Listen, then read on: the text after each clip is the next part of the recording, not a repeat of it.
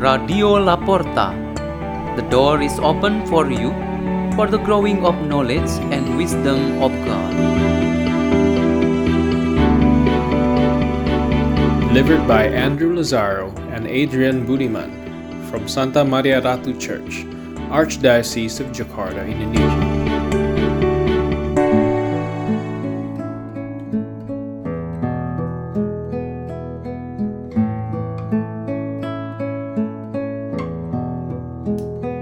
Reading and Meditation on the Word of God on Tuesday of the 33rd week in Ordinary Time, November 15, 2022.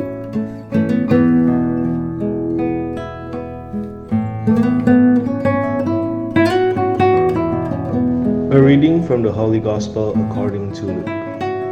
At that time, Jesus came to Jericho and intended to pass through the town. Now, a man there named Zacchaeus who was a chief tax collector and also a wealthy man, was seeking to see who Jesus was. But he could not see him because of the crowd, for he was short in stature. So he ran ahead and climbed a sycamore tree in order to see Jesus, who was about to pass that way. When he reached that place, Jesus looked up and said, Zacchaeus, come down quickly for today I must stay at your house. And he came down quickly and received him with joy. When they saw this, they began to grumble, saying, He has gone to stay at the house of a sinner. But Zacchaeus stood there and said to the Lord, Behold, half of my possessions, Lord, I shall give to the poor, and if I have extorted anything from anyone, I shall repay it four times over. And Jesus said to him, Today salvation has come to this house, because this man too is a descendant of Abraham. For the Son of Man has come to seek and to save what was lost. The Gospel of the Lord.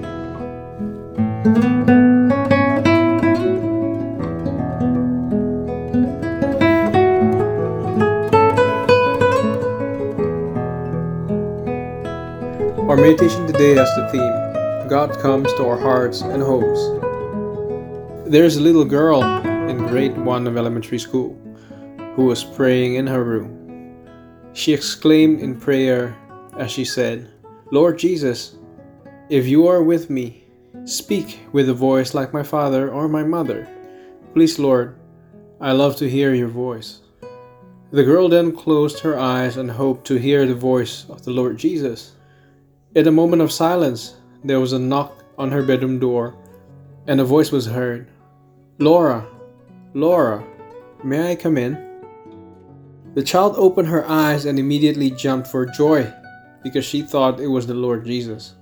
It turned out that the one who entered the room was her own father.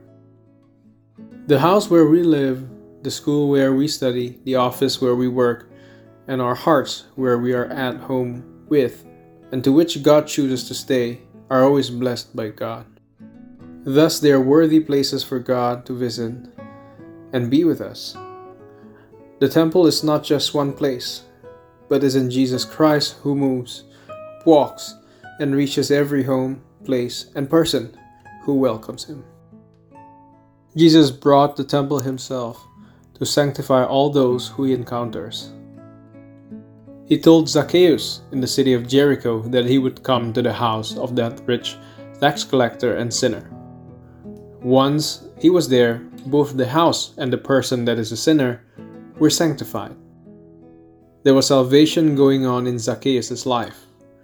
God is not always invited or asked to come into our homes and into ourselves.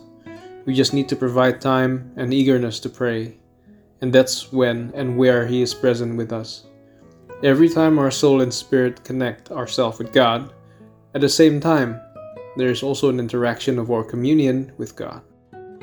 We have officially become the house of God through the sacrament of baptism. Our own families should be considered as a community of God's house, made by each family member.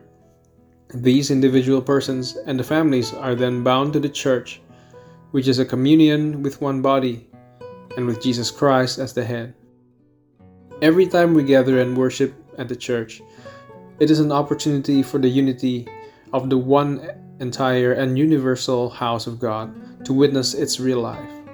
When we finish this gathering and worship, we return to our respective routine lives in the spirit of that unity and togetherness that continually animate and bind us. The sins we commit indeed disturb our unity and even hurt the sacredness of our faith community. Jesus must have pity and endow his power to fix it by coming to both each individual and our families. The important thing is we are open and we accept him into ourselves and into our families. Let us pray. In the name of the Father, and the Son, and the Holy Spirit.